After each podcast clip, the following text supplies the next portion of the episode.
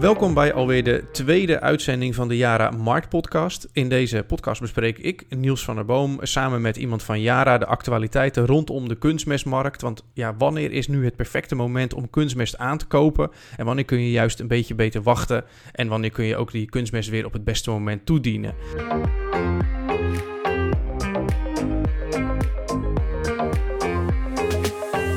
Nou, ehm, in de digitale podcast studio is vandaag aangeschoven uh, Jorik Breukers van Yara. Uh, Jorik, welkom in deze podcast. Ja, dankjewel Niels. Goedemiddag.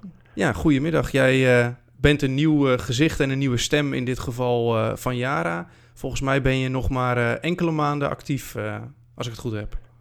Ja, dat klopt. Ik ben 1 oktober jongsleden begonnen, dus in die zin nog, nog vers in, in het bedrijf. En ik moet zeggen, ja wat je eigenlijk van de buitenkant ziet, ervaar ik ook aan de binnenkant, om het zo te zeggen. Het is een, uh, het is een mooi bedrijf en uh, mooie producten waar we ja, echt voor staan met z'n allen.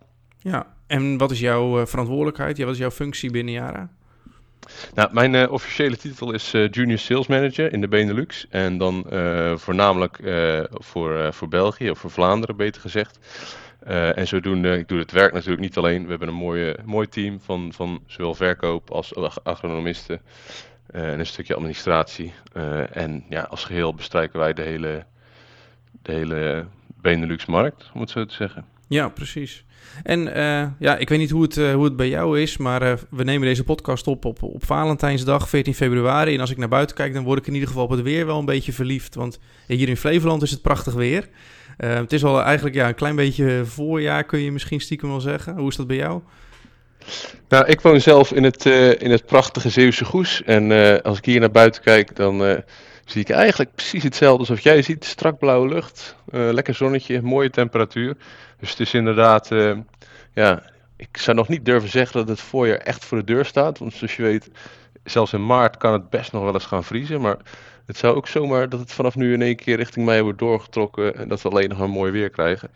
Het is lastig voorspellen de laatste ja. jaren op dat gebied. Nou, laten we hopen dat we dan uh, dat we net mooi weer hebben, maar ook regelmatig een buitje voor, uh, voor de boeren. Anders is het weer zo te droog. Ja, uh, absoluut. En ik, ja, ik heb hier in, in Flevoland de eerste kunstmeststrooiers al wel zien rijden. Voornamelijk op de, op de bollenpercelen. Misschien heb jij ook al wel activiteit in het land gezien als je door de, door de Goese polders rijdt? Ja, nee, her en der zeker, absoluut.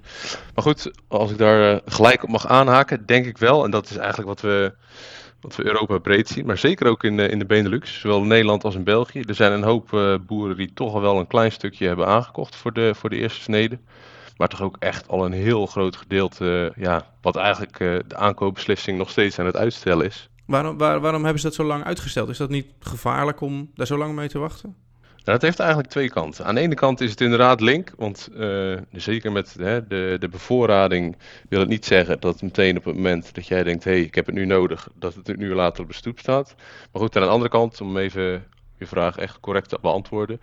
De grote reden is natuurlijk de, de prijsontwikkeling. Uh, wat we eigenlijk al een hele poos zien, is dat we in een dalende markt zitten. En ja, goh, niks menselijks is de boer vreemd, zou ik willen zeggen als een product natuurlijk steeds goedkoper wordt, goedkoper wordt, is het vaak verstandig, vaak is het, um, ja, zie je vaak dat mensen de beslissing uitstellen om te kopen. Uh, om op die manier toch op een zo laag, zo laag mogelijk moment uh, ja, in te kunnen stappen. Ja, en heeft dat dan alles te maken ook met de, de gasprijs? Die is natuurlijk uh, ja, misschien wel tegengesteld van wat de verwachting was, behoorlijk aan het dalen. En nog steeds volgens mij wel afneemt. Is dat de belangrijkste factor ook voor de kunstmest? Nou, of het de belangrijkste is, dat uh, is misschien wel heel kort door de bocht, maar het is wel een hele goede vraag die we uh, zeker her en der in landen ook wel krijgen. Uh, zoals je wellicht weet, en zoals ik in eerdere podcasts wel eens uitgelegd, is, um, ja, is aardgas een van de belangrijkste bestanddelen bij het produceren van kunstmest.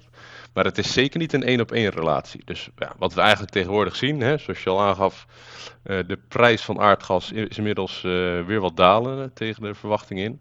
Maar zeker als we het vergelijken met een jaar geleden toen de oorlog in Oekraïne net begonnen was, is, het, uh, nou ja, is de ontwikkeling de goede kant aan het opgaan zou ik willen zeggen.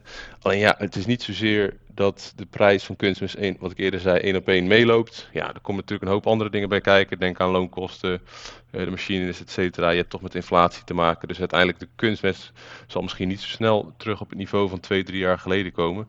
Dus ja, dat is even dat is even een lastige situatie om in te schatten. En dat maakt het ook heel lastig voor de boer. Hè, bij welk niveau is het nou verstandig om in te stappen? En wanneer gaat die, die prijsontwikkeling zich weer kenteren? Um, want ja, net als met gas, net als met oorlog, zo is het ook met kunstmest. Er is niemand die echt de, de, de waarheid uh, of de, de toekomstbeeld uh, naar waarheid kan voorspellen. Dus het zou zomaar ook kunnen zijn dat die, dat die prijsontwikkeling zich weer de andere kant bekeert in de komende maanden.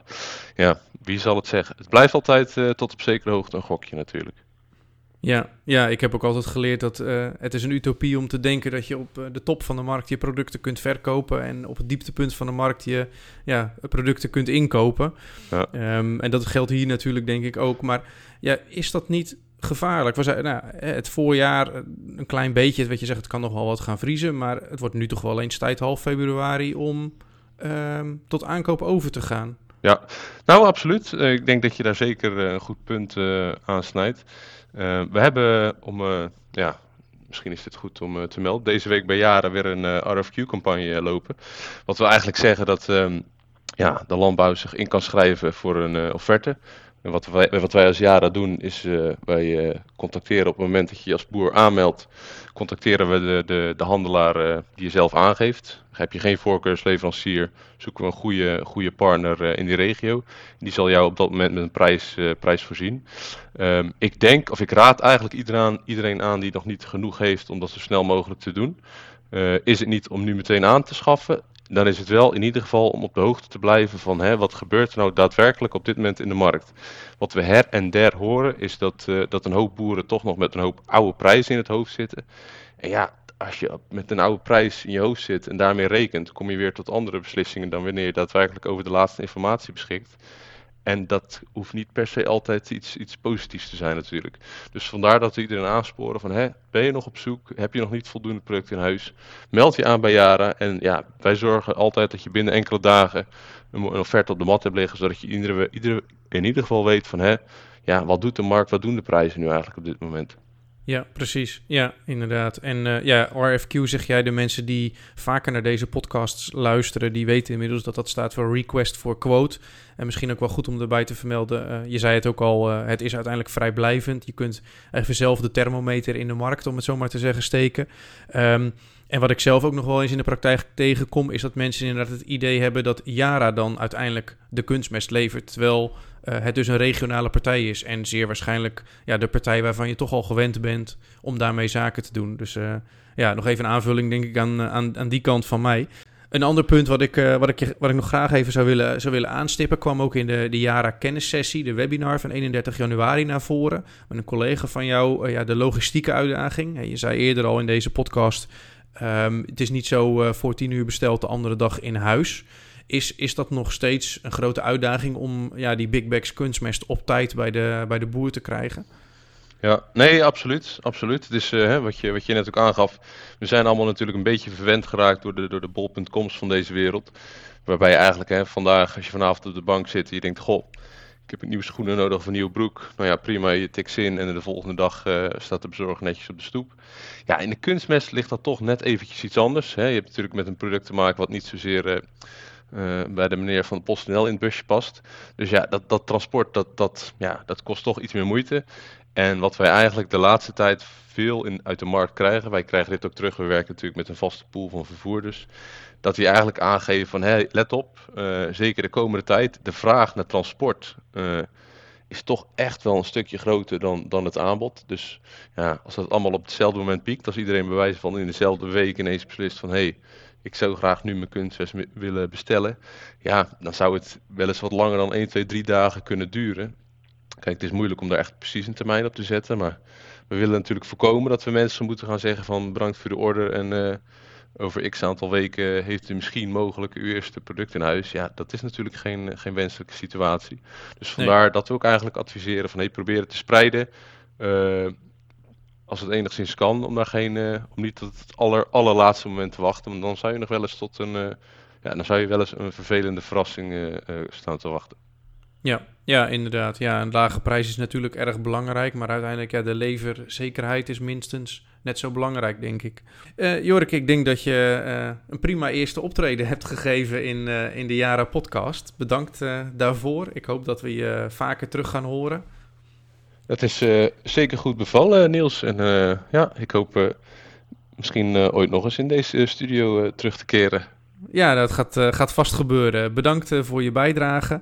En ja, wil je nu meer weten over de RFQ-campagne van Jara of eh, andere prijsontwikkelingen of nieuws rondom de kunstmest en de kunstmestmarkt, meld je dan ook zeker aan voor de nieuwsbrief van Jara. Dat kan in de link die je onder deze uitzending vindt in je favoriete podcast-app. Maar je kunt natuurlijk ook kijken op de website van Jara. Bedankt voor het luisteren en hopelijk tot een volgende keer. Música